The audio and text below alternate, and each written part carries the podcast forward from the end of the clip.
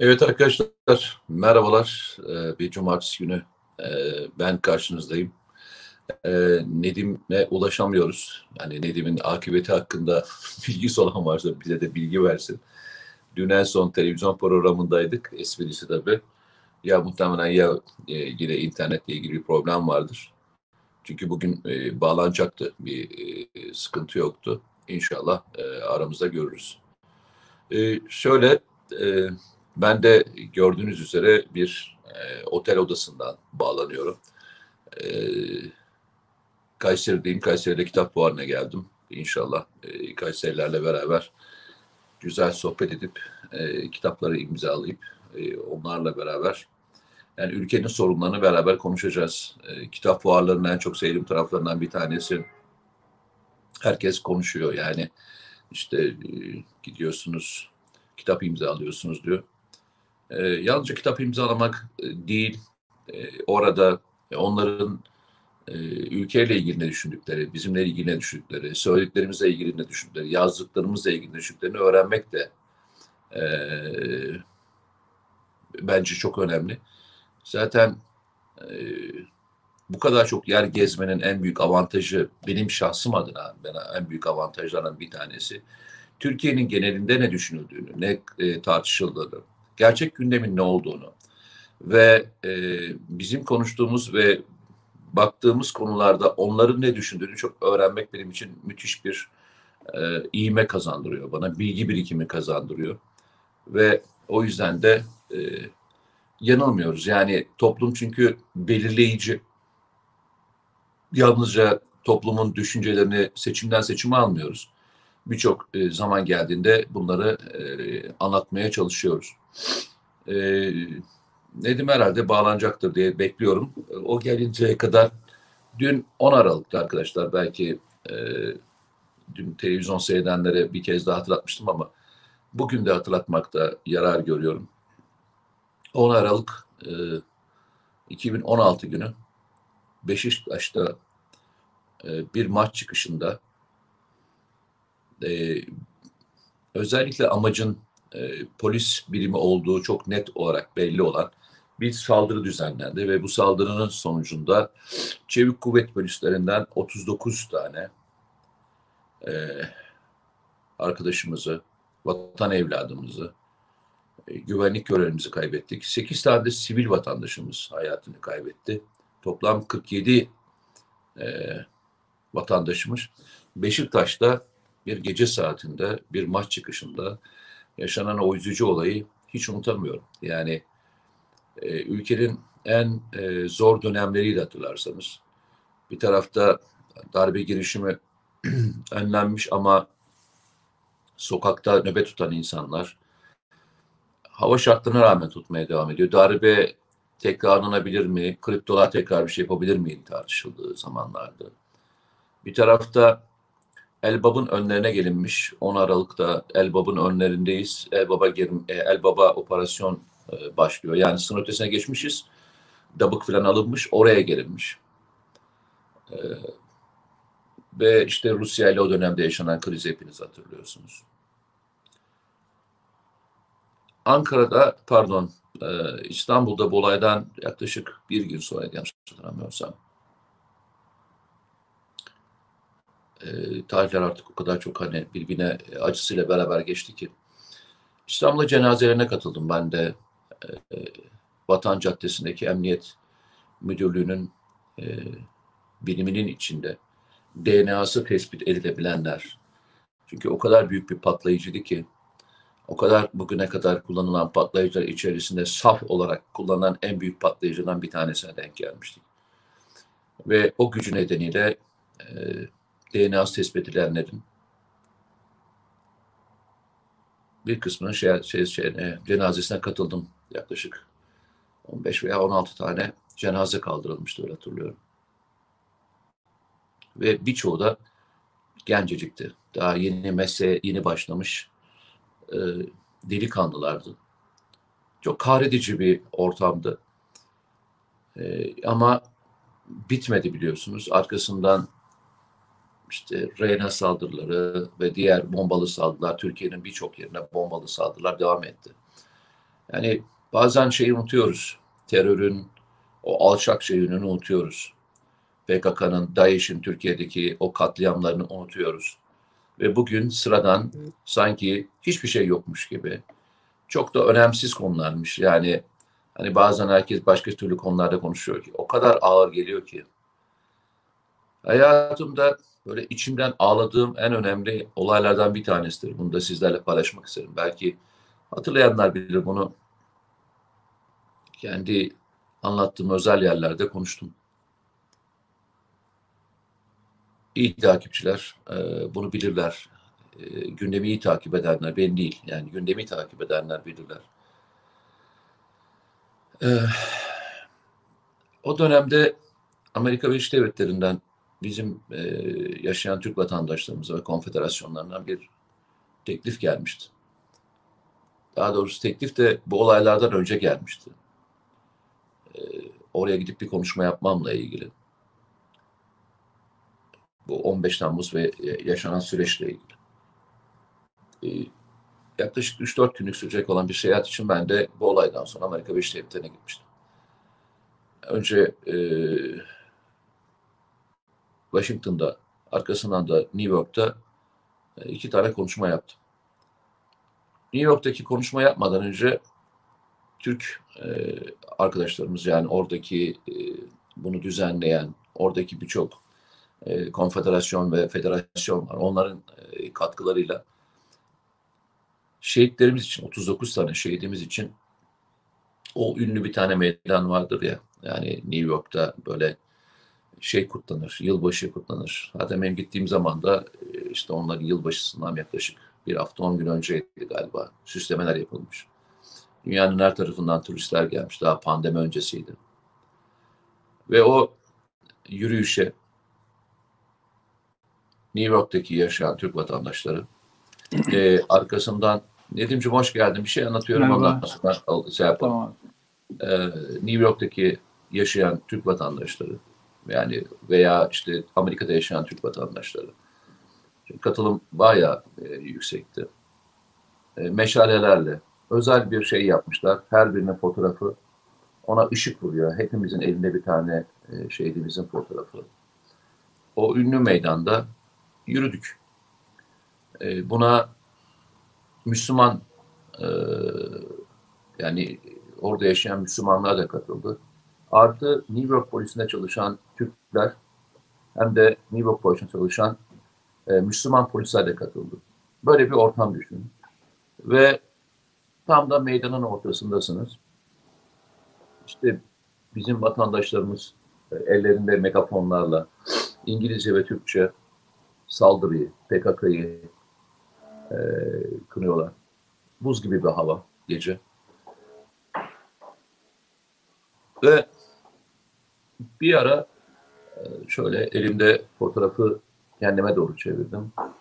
Altında hem e, ismi hem rütbesi hem de e, doğum tarihi ve ölüm tarihi yazıyordu. Öyle bir şey düşünün. Tarihe baktığınızda yani yanlış hatırlamıyorum 21 yaşındaydı yanlış ya 21 yaşında 22 yaşındaydı öyle hatırlıyorum. Gencecik bir polis memurunun elinde fotoğrafıydı. Ve şöyle bir baktım 39 tane polisimiz şehit olmuş New York. New York'ta bunu anıyoruz. Ve etraftaki herkes hayatlarına devam ediyorlar. Ee, yılbaşı etkinlikleri düzenliyorlar. Fotoğraf çekiyorlar ama yani hiç umurlarında değildi. PKK'sı, osu, busu hiç umurlarında değildi. Ve yani içimden içimden ağladığım, bu kadar uzun ağladığım hiçbir şey hatırlamıyorum. Ve dedim ki koruyamadık evlat seni yani koruyamadık. Ve şunu fark ettim. Ama bu fark ettiğim üzerinden bir kez daha e, ikinci yıkan, üçüncü yıkan şey şu oldu. Dedim ki yani dert senin memleketin derdi, başkasının derdi değil. Sen istersen dünyanın en önemli meydanında yap. Sen yalnızca orada bir aksesuarsın. Ama işin kötü tarafı öyle zamanlardan ve öyle şeylerden geçiyoruz ki bu yaşananların hiçbirinin anlamı olmadığı, bazıları için e, konuşmaya bile değer olmadığı, bunların sorumlular hakkında tek bir laf edilmediği bir dönemi de yaşamış olmak. O bundan daha fazla ağlayamazsın demiştim içimden. Ama inanın e, şu anda yaşadıklarımız e, maalesef e, o New York'taki o meydanda soğukta e, beni mahveden ve kahreden günler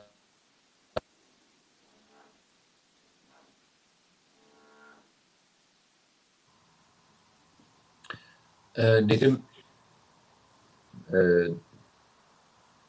e, ben bitirdim. Bir şeyi anlattım. Dün 10 Aralık 2016 biliyorsun. 39 tane polisimizin şehit edilişinin arkasından o kısacık dönemi anlattım. Ve o dönemde yaşadığım ruh halini, o dönemde yaşadığım şeyi ve şimdiki e, düş kırıklığıyla e, başladım senin yokluğunda. Öyle. Bununla ilgili birkaç kelime etmek ister misin? Tabii tabii tabii. Öncelikle e, hem o saldırıda hayatını kaybeden şehitlerimizin hem de bütün şehitlerimizin e, Suriye'de sınır ötesinde son olarak şehit olan üç kahramanımızın e, mekanları cennet olsun, milletin başı sağ olsun. Ama işte senin anlattığın gibi e, birileri bu ülkeyi e, canını verecek gibi seviyor. Birileri de altına oymak için elinden geleni yapıyor. Siyaseten e, ayakta durmak için siyaset yapacak yapmak uğruna bunlara prim verenler de var. Bir de ilginç olan da e, prim vermeyi bırak. E, prim vermeyi bırak.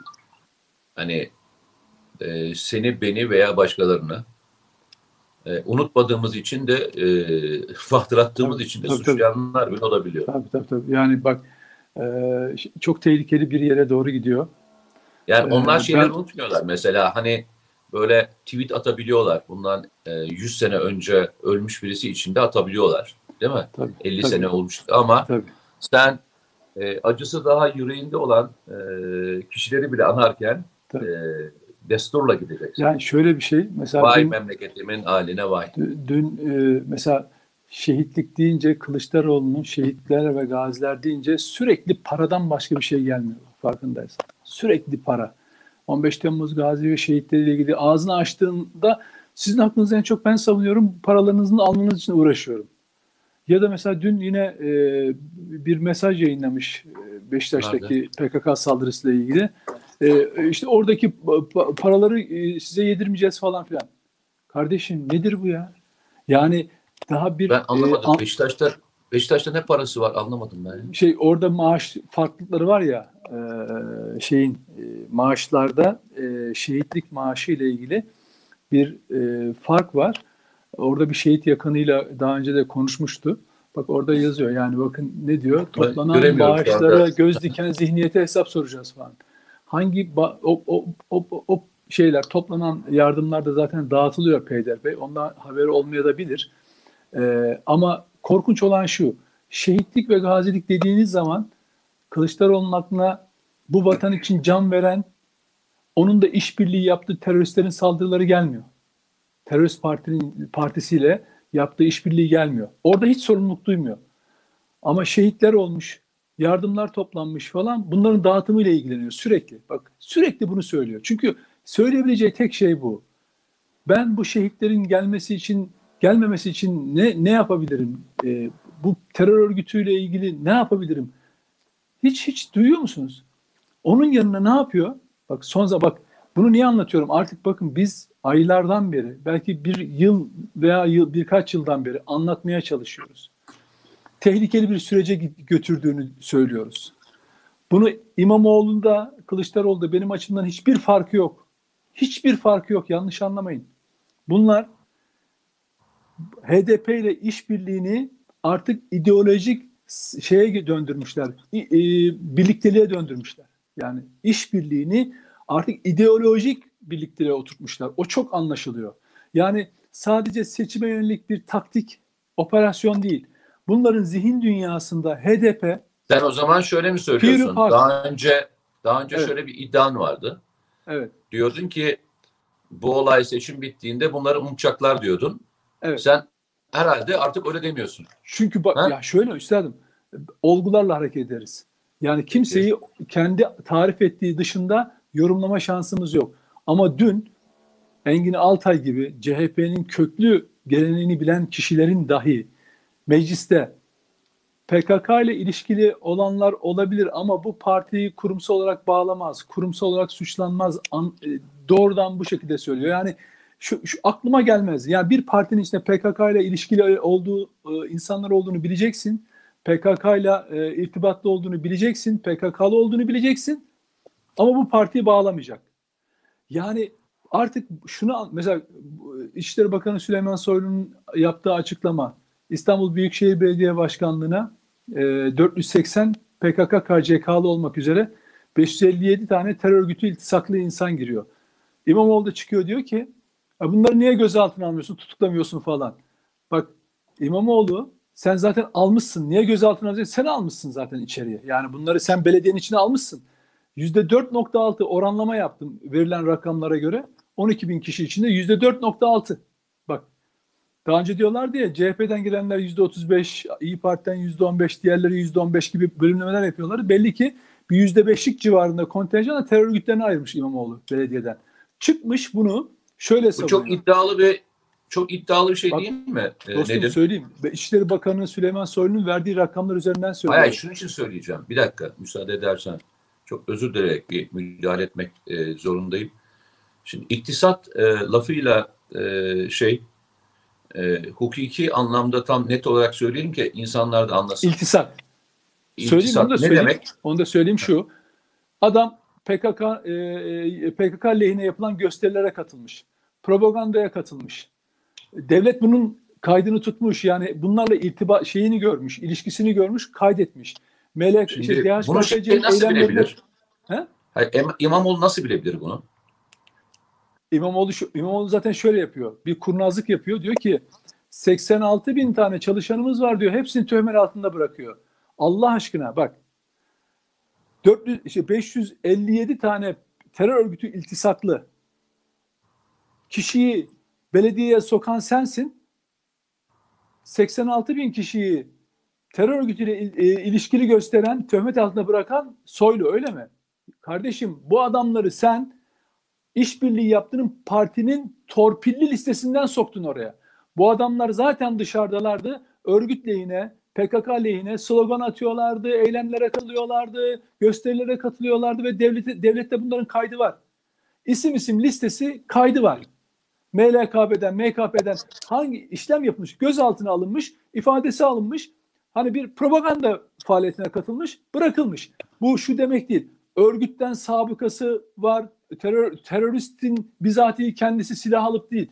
Adam örgütün işte gitmiş e, gö- dernek görünümü altında yerinde orada baskın yapılmış, gözaltına alınmış, ifadesi alınmış, bırakılmış. Şimdi sen diyorsun ki 86 bin kişiyi töhmet altında bırakıyorsun. Bunları alarak belediyeye sokarak siz şu andaki CHP yönetimi şu andaki İmamoğlu o 86 bin kişiyi töhmet altında bırakıyor. Ben şimdi İspark'ta arabayı bırakırken veyahut da belediyenin bir şey- şeyine işim varsa düşerken karşımda kim olduğunu nereden bileceğim?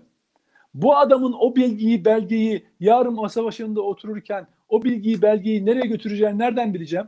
Onlara belediyenin cebinden ödenen maaşın örgüte gitmediğini nereden bileceğim? Oturup laf abiriyle değil. Diyeceksin ki Süleyman Soylu'ya aa öyle mi? Ben de bilmiyordum. Personel İşleri Daire Başkanı'nı çağırdım. Bu 4 557 kişiyi kim olduğunu listesini hemen İçişleri Bakanı'ndan temin edeceğim ve ben bunların iş akdini sonlandıracağım diyeceksin. Senin kamu görevlisi olarak yapman gereken bu. Nasıl 15 Temmuz gazilerini işten çıkardın? Nasıl 15 Temmuz gazilerini tazminatsız tazminatlı bir kısmını işten çıkardın? Nasıl on binlerce insanı işten çıkardın? Bunlara gücün yetmiyor. HDP'liler kızar diye. Değil mi? Buna gücü yetmiyor. Tam, müsaade burada bir, ki- bir araya girebilir miyim Nedim? Tabii. Bir araya girelim tam net anlaşılsın diye konuşalım. Şimdi senle demek ki aynı yerdeyiz. Sonuçta e, adli sicil kaydıyla e, insanları işe alıyorsun. Doğru mu? Tabii tabii. Yani. Adli sicil kaydı Şimdi dediğiniz dur, şey şu. müsaade- Mahkeme kararıyla bir- sicilinizde Ya Nedim bir saniye bir bitireyim Evet. lafımı bitireyim. Dur bitmedi daha lafım. E, ondan sonra sen gene devam et. E, sana bırakacağım sözü. Tamam. adli sicil kaydıyla alındığı için bundan bilmeye olabilir. Ben de seninle aynı yerdeyim. Yani iktisatlı ve bunlarla iletişim halinde olanları bulamayabilirsiniz. Bunu e, sizin adli sicil kaydında görünmüyor. Bunlar gerçekten de görünmezler. E, bu nedenle e, burada bir hata görmüyorum. Buradaki hata seninle olduğum ikinci yerdeyim ben. İkinci yerdeyim. İkinci yer neresi? Böyle bir olay yapıldığında bununla ilgili iletişime geçme konusundaki e, tavrı. Benim eleştirebileceğim bu ikinci e, konu. Artı böyle şöyle bir e, konuyu e, söyleyeceğim. Şimdi e, arkadaşlar devamlı konuşurken şunu söylüyorlar. Biz insanların nerede olacağını. Ama sosyal medya üzerinden daha önceki sosyal medya paylaşımlarıyla nedeniyle insanların kim olduğunu anlamıştınız. Hatta sosyal medyalarını takip etmiştiniz. Yani bu alınacak olan kişilerin sosyal medyasını takip eden grup bunları takip edebilirdi. Yani açıkçası e, şeylerini, konuşmalarını ve diğerlerini bulabilirdik. Hatta hatırlarsan e, birkaç kişisi e, sosyal medya hesaplarındaki daha önceki e, işte barikatlar döneminde ve diğer dönemde ağır ithamlarla yazmış oldukları şeyler duruyor biliyorsun. E, işe evet. alınan, son dönemde işe alınanlar. Mesela onunla ilgili ne işlem yapıldığını, bunlarla ilgili nasıl e, tavır alındığını biz duymadık. Senin söylediğin gibi e, bazı gazilerle ilgili tavırlarını biliyoruz. E, ben bu iki konuda e, ancak eleştirebilirim. Yani ilk konu yani onların bilinmesi konusunda söyleyecek hiçbir kelimem yok. Gerçekten kimse bilemez. Ama ikinci konu senin söylediğin, üçüncü konu da sosyal medyayı bu kadar sıkı takip ediyorsanız onlarınkini de takip etseydiniz, onlarınkini de bulsaydınız ve oradan da elinizde bir done olsaydı. Diyeceksiniz ki sosyal medya önemli midir? Önemli ki işten atıyorsunuz. Önemli ki ona göre e, işe alımlarında dikkat ediyorsunuz. Demek ki önemli ve takip eden bir ekibiniz var. Evet şimdi e, kaldığın yerden müsaade bak, edersen e, devam et. Mesela bir Kesinlikle. özel şirket, bir özel şirkete başvuruyorsunuz bugün. E, sizin hiç üniversite mezun olmuşsunuz. Belki bir staj döneminiz olmuş falan. Hı hı. Ee, özel şirketler ne yapıyor? Buna uluslararası şirketler dahil olarak söylüyorum. Yani yabancı şirketler olarak da söylüyorum. Siz mesela Almanya hakkında siyasi içerikli bir mesaj atın. Öyle Almanya'yı suçlayan veya mesela onların çok gocunduğu bir konuda şimdi söylemeyeyim bir mesaj atın. Veya Amerikalılarla ilgili bir mesaj atın. Bakalım bir Amerikan şirketi sizi alıyor mu? Yani içine Amerikan hani... şirketini bırak e, artık Amerikalılar e, vize verirken sosyal medya paylaşımlarınızı takip etme izniyle e, size vize veriyorlar. Tabii.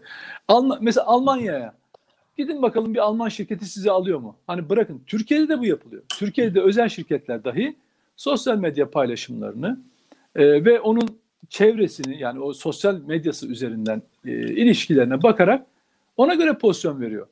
Şimdi siz İçişleri Bakanı Süleyman Soylu Bey işte bunu açıklıyor. Gün, konusu olduğu için. Sizin yapacağınız tek şey şu belediye başkanı olarak. Lütfen bu isim listesini gönderin. E, bilgilerini de gönderin. Biz bunun değerlendirmesini yapalım. Gerekiyorsa iş akitlerine son verelim. Demesi gerekiyor. Ama ne yapıyor? Ne yapıyor? Çünkü bak bu tür insanların o belediye binasına girme, iş bulma şansları sıfırdır referans listesi HDP'den gitmeyince, HDP'liler istemeyince o insanlar bu kadar 450-480 kişi giremez kardeşim. Bu bir tesadüf olamaz yani. Böyle bir tesadüf yok. Ve korkunç olan şey şu. Ya bu insan... bir şey soracağım. Nedim niye suçluyorsun? Neyi? Adam yani gizli gizli yapmıyor ki açık açık yapıyor. Ben suçlamıyorum. Ben bir ben şöyle ben ulusal ben bunu bir ulusal güvenlik meselesi olarak görüyorum. Ben bir bakanlıkta bakanlıkta da böyle bir şey olsa aynı tepkiyi gösteririm. Çünkü neden biliyor musun? İstanbul Belediyesi demek orada çalışan PKK KCK'lı, DHKPC'li biri ol demek. Hani geçenlerde e, belediye başkanlığı olduğu zaman İmamoğlu ilk yaptığı icraat neydi hatırlıyor musunuz? Bütün bilgi işlemi kopyalamak. Üç ayrı kopya almak üzere bir yazı göndermişti. Yani bütün bilişim. Ve o zaman MIT dahi devreye girdi. Bir dakika ya Burada İstanbul'da Türkiye'nin en önemli e, resmi ve özel binalarının, şahıslarının Bilgileri kayıtlı. Bunu nereye kopyalıyorsunuz? Hani inceleme yapacaksanız mekanında yerinde incelemeyi yaparsınız. Teftiş kurulunu görevlendirirken hatırlarsanız kıyamet kopmuştu. Hı. Onunla ilgili soruşturma da açılmıştı. Şimdi sen bu PKK KCK iltisaklı kişileri veya sempatizan fark etmez. Devlette bunun kaydı var. Aloğlu Veli neyse. Onun karşılığında ne olduğu istihbaratta, emniyette var.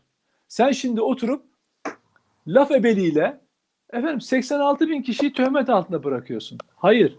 O insanları, o DHKPC'leri, o PKK'ları, onlarla iltisaklı olanları sokarak İmamoğlu'nun kendisi töhmet altında bırakıyor belediye çalışanları. Benim aklıma hiç gelmezdi.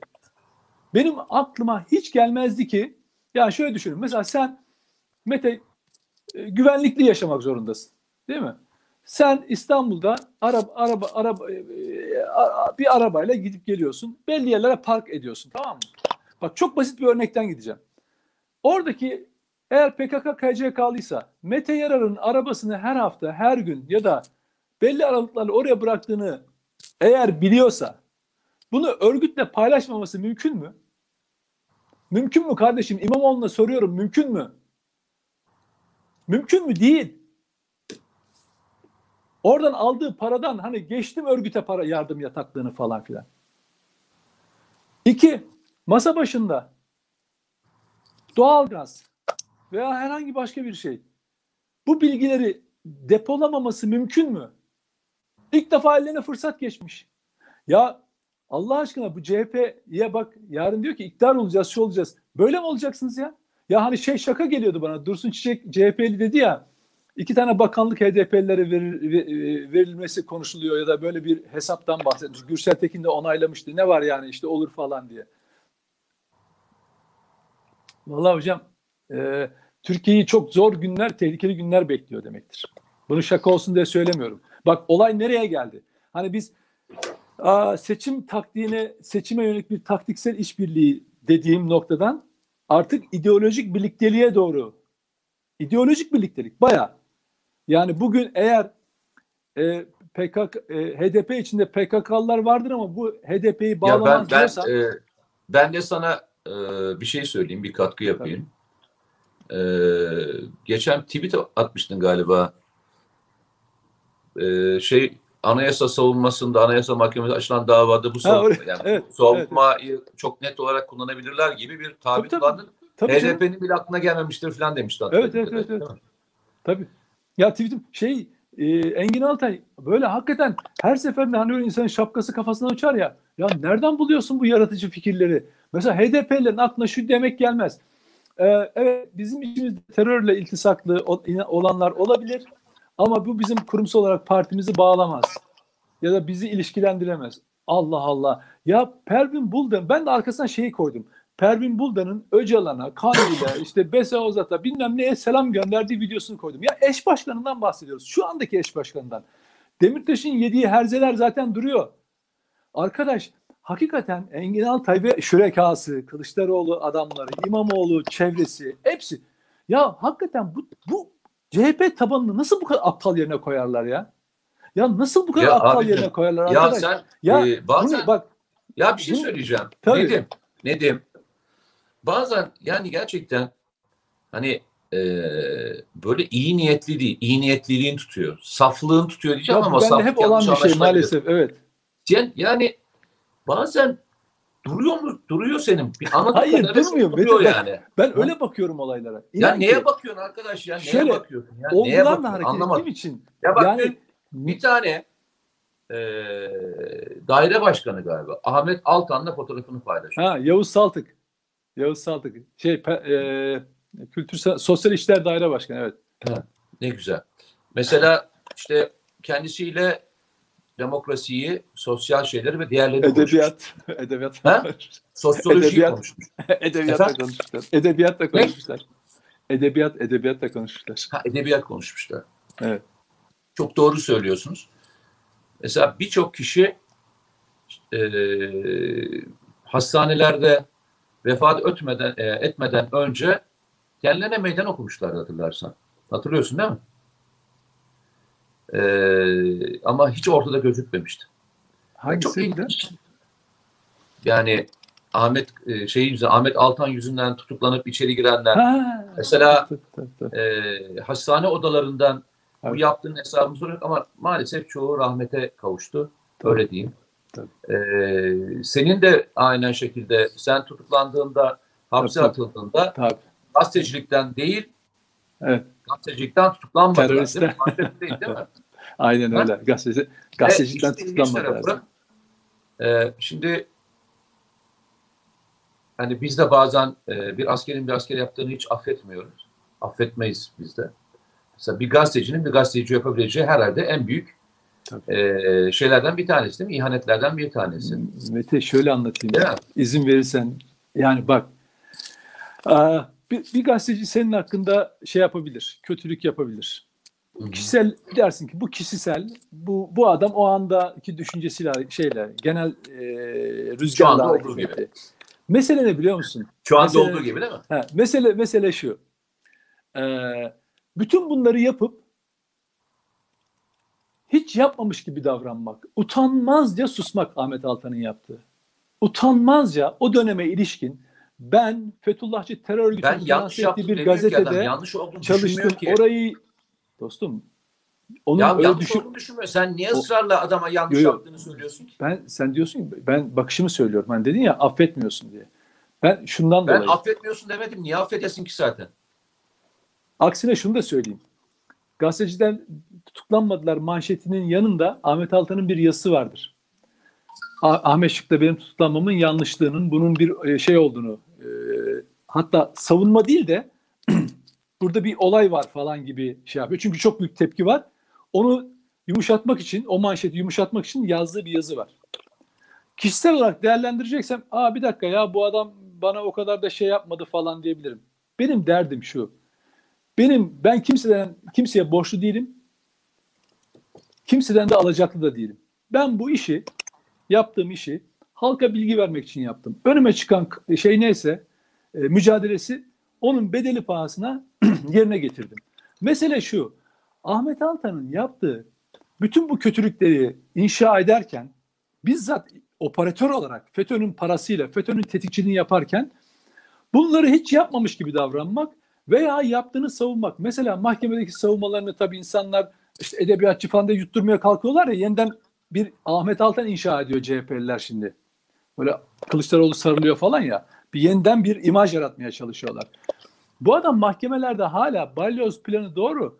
Efendim Ergenekon da hesap verecek falan filan diye savunmalar yaptı ya. Ya bu adam bak ve bu adamı kucaklıyorlar kardeşim. Yarın İmamoğlu gider. Yarın İmamoğlu gider bunun yanına. Bunlar da şaşırmıyorum. Bak meselemiz şu artık. Hani deminden HDP ile ideolojik artık bir yola girdiler. Sadece seçim taktiksel değil. Belli ki seçim sonrası da farklı boyutlarda devam edecektir. İster iktidar olsun ister olmasın. CHP artık oraya doğru yöneltilecek. O çok belli. Kılıçdaroğlu olduğu sürece o CHP oraya doğru yöneltilecek ve PKK'nın siyasi kolu HDP'nin bir anlamda savunucu üstlenilecek. Şimdi bunu yaparken hocam Ahmet Altan'ın gibilerin yaptığı şey ne biliyor musun? Hala meslek suçu işleyerek halka bilgi vermek yerine operasyon çekerek, tetikçilik yaparak gazeteci olduğunu varsaymaları. Tamam? İşte oradan buradan ödüller falan alıyorlar. Ya insan insan biraz utanır kardeşim. İnsan hep haklı olamaz kardeşim. İnsan yanlış da yapar arkadaş. Yok yok. Bir- O, sen ama yanlış küçücük- yer- yanlış yerdesin dedim. sen bak gerçekten söylüyorum. Peki. Senin doğru. önce önce gidip e, bir şey yapman lazım. E, kendini değiştirmen lazım gerçekten. Bu böyle gidemezsin sen. Niye? Böyle gidemezsin. Ben gerçekten gidişatı Şöyle değil. bir tane düğme var. Hep haklıyım modu var burada. Ona basıyorum. hep haklıyım. Yani e, ya o kadar ilginç ki senin anlattıklarına şimdi böyle anılara, geçmişe doğru gidiyorum. Tabii. Hatta şimdi konuşan e, insanlara senin bazen gazetecilerle kapışmaları falan oluyor biliyorsun. Evet, evet. Orada mesela şey diyorlar. Ben ona çok mesela o zaman çok gülüyorum.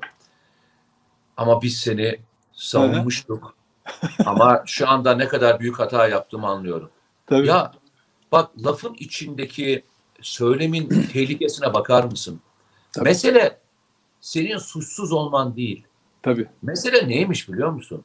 Seni yanlış yerde oldukları için savunmuş be. Evet. Farkında mısın? Beni Yani senin şeyin önemli değil.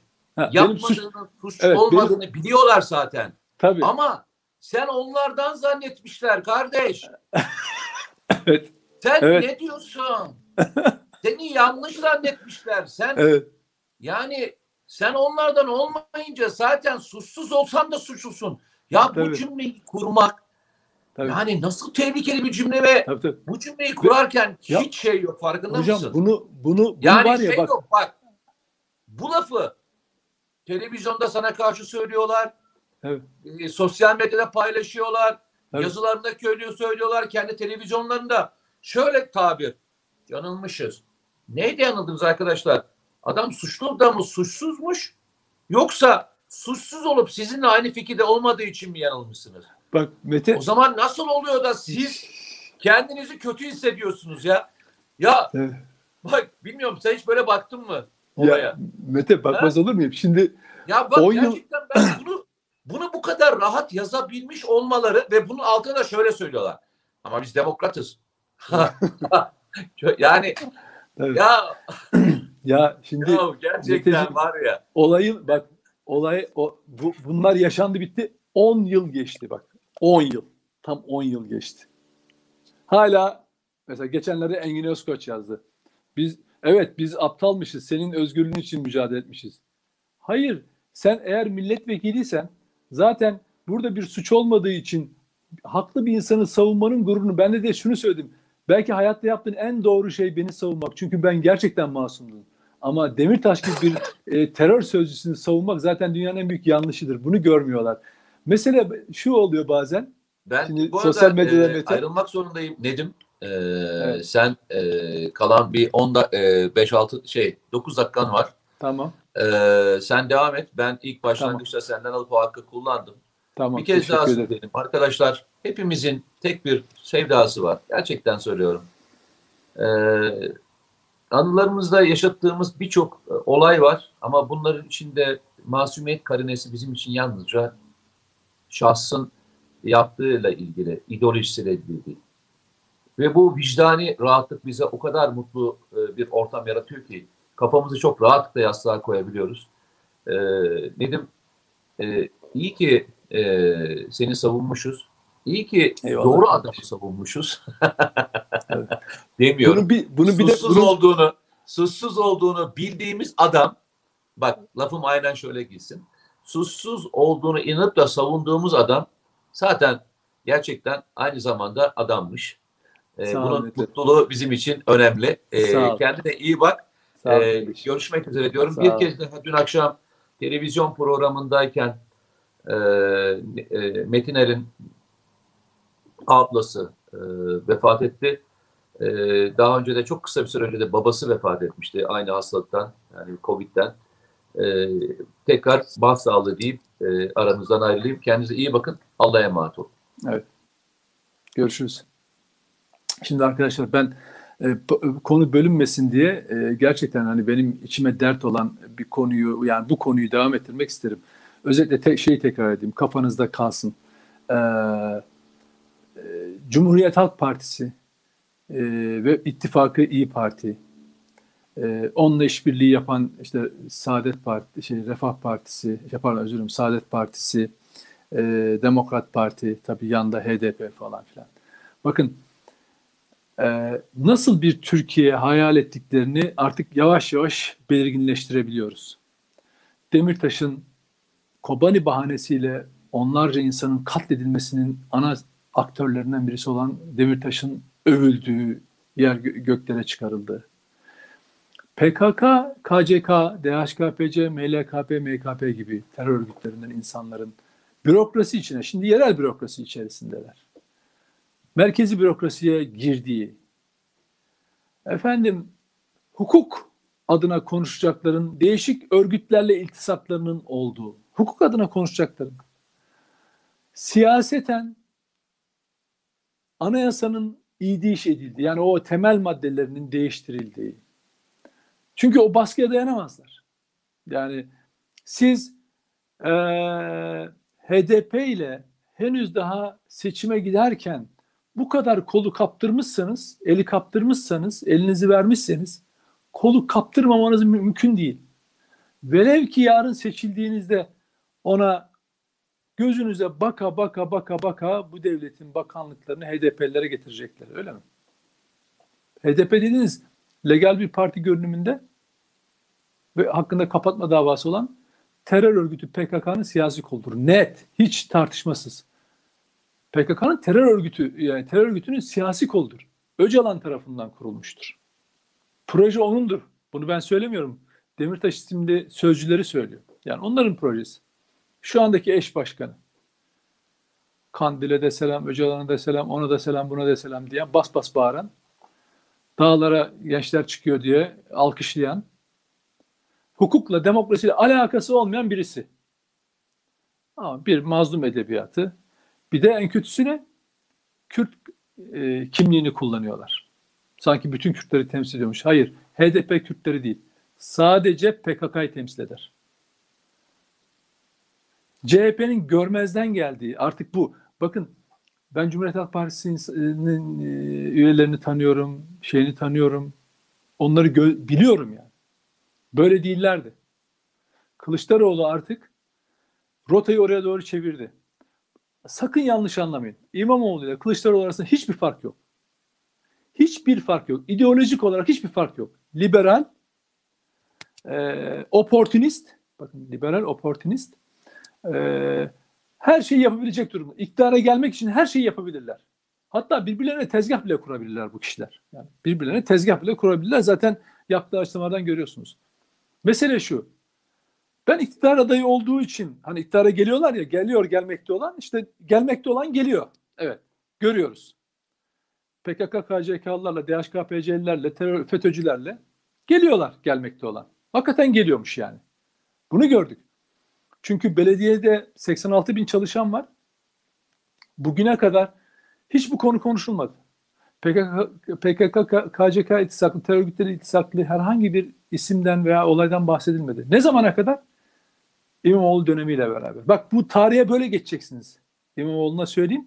Tarihe böyle geçeceksiniz. Bu orada burada kalmaz ben size söyleyeyim.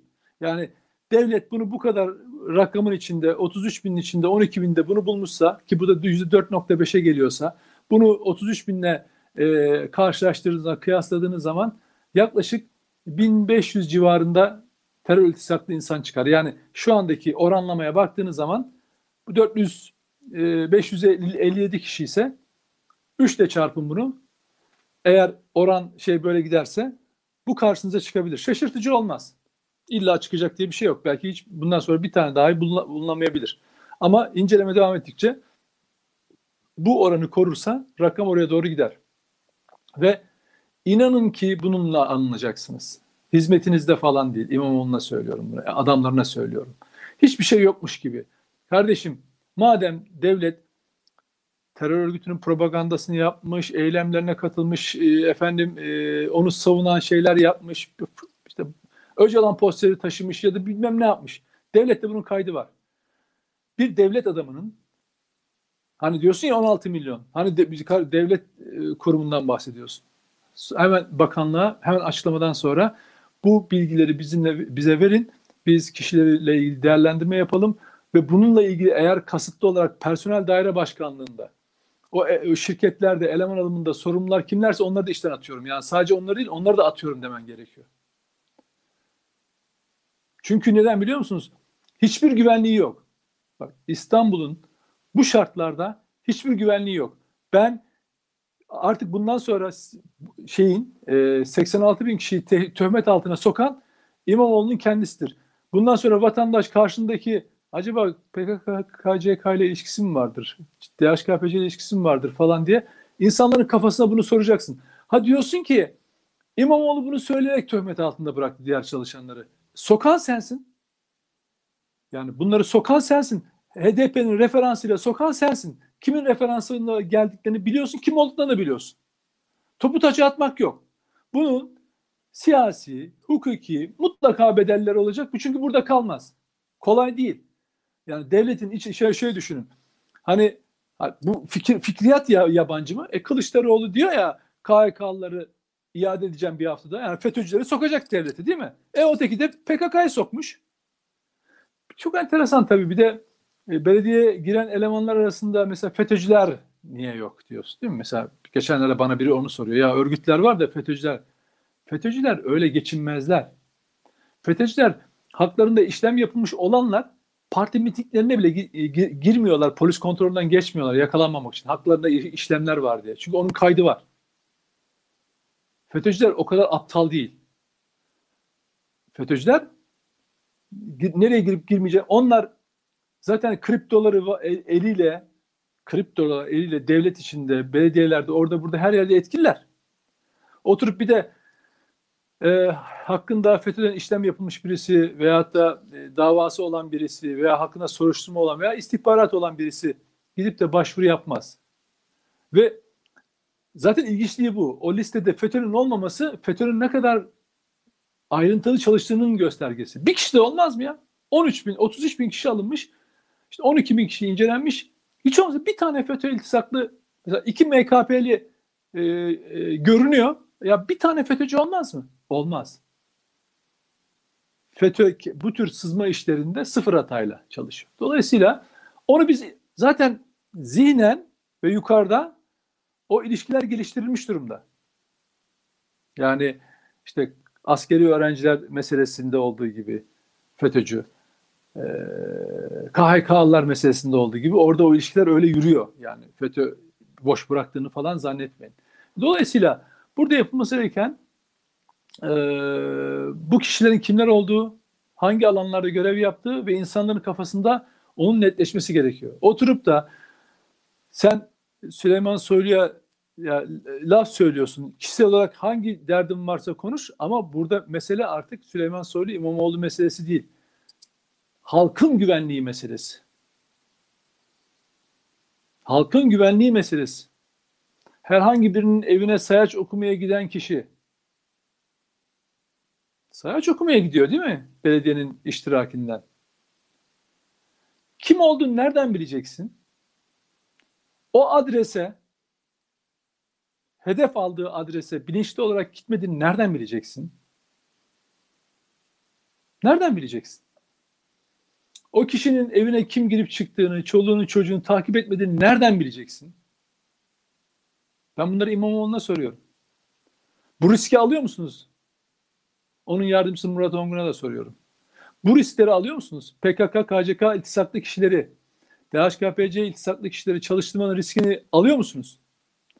Alıyorsanız bunun tabii ki sonuçlarına toplumda katlanacak. Hepiniz katlanacaksınız. Hepimiz katlanacağız. Çünkü çok tehlikeli bir süreç. Bak çok tehlikeli bir süreç. Bunun nereye varacağını kafanızda götüremiyorsunuz değil mi? Nasıl HDP'lileri kafesleyelim de biraz oy alacağız onlardan. O lazım bize onlar diye yapıyorsunuz siyasi çıkar için. Ama bak üç kelime. Gaflet, delalet ve hıyanet.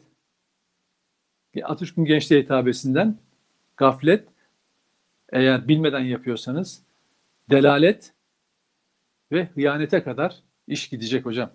Ben uyarıyorum sadece, söylüyorum. Gördüklerimden, bu, bu 50 yıl, küsür yıldan beri şu ülkede yaşadıklarımdan görüyorum. Kimin hangi kılıkta ne işler yaptığını görmüş, acılarını yaşamış bir insan olarak söylüyorum. Dolayısıyla oturup İçişleri Bakanlığı'yla sen Soylu'yla istediğin kavgayı yapabilirsin.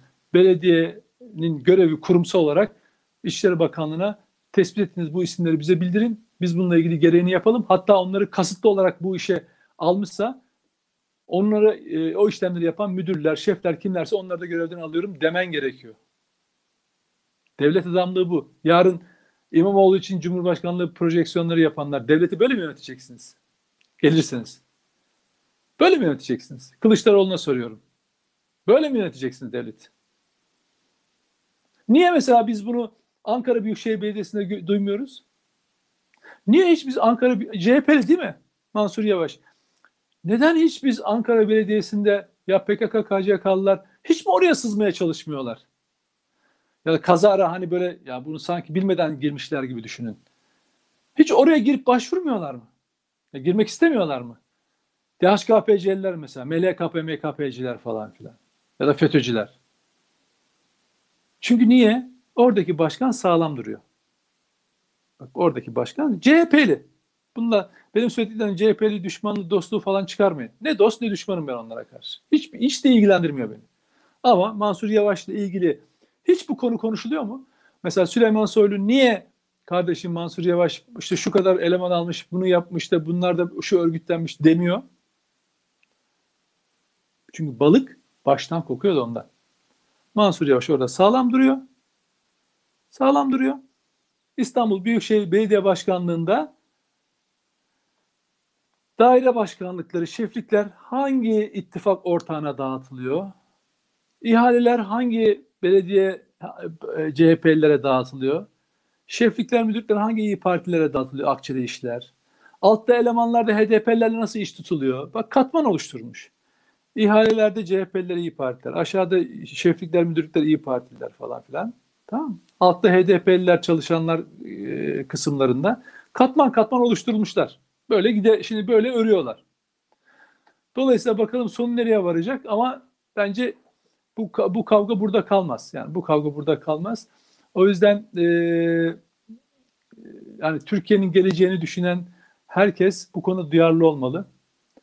E, ben artık şahsen e, töhmet altında bırak, bırakmak için değil. İmamoğlu bunları temizlemediği sürece o kurumda çalışan e, insanlara e, güvenerek e, şey yapmam. Bakmam yani. Vatandaş bakmaz. Yarın ne olacağını bilemezsiniz kardeşim.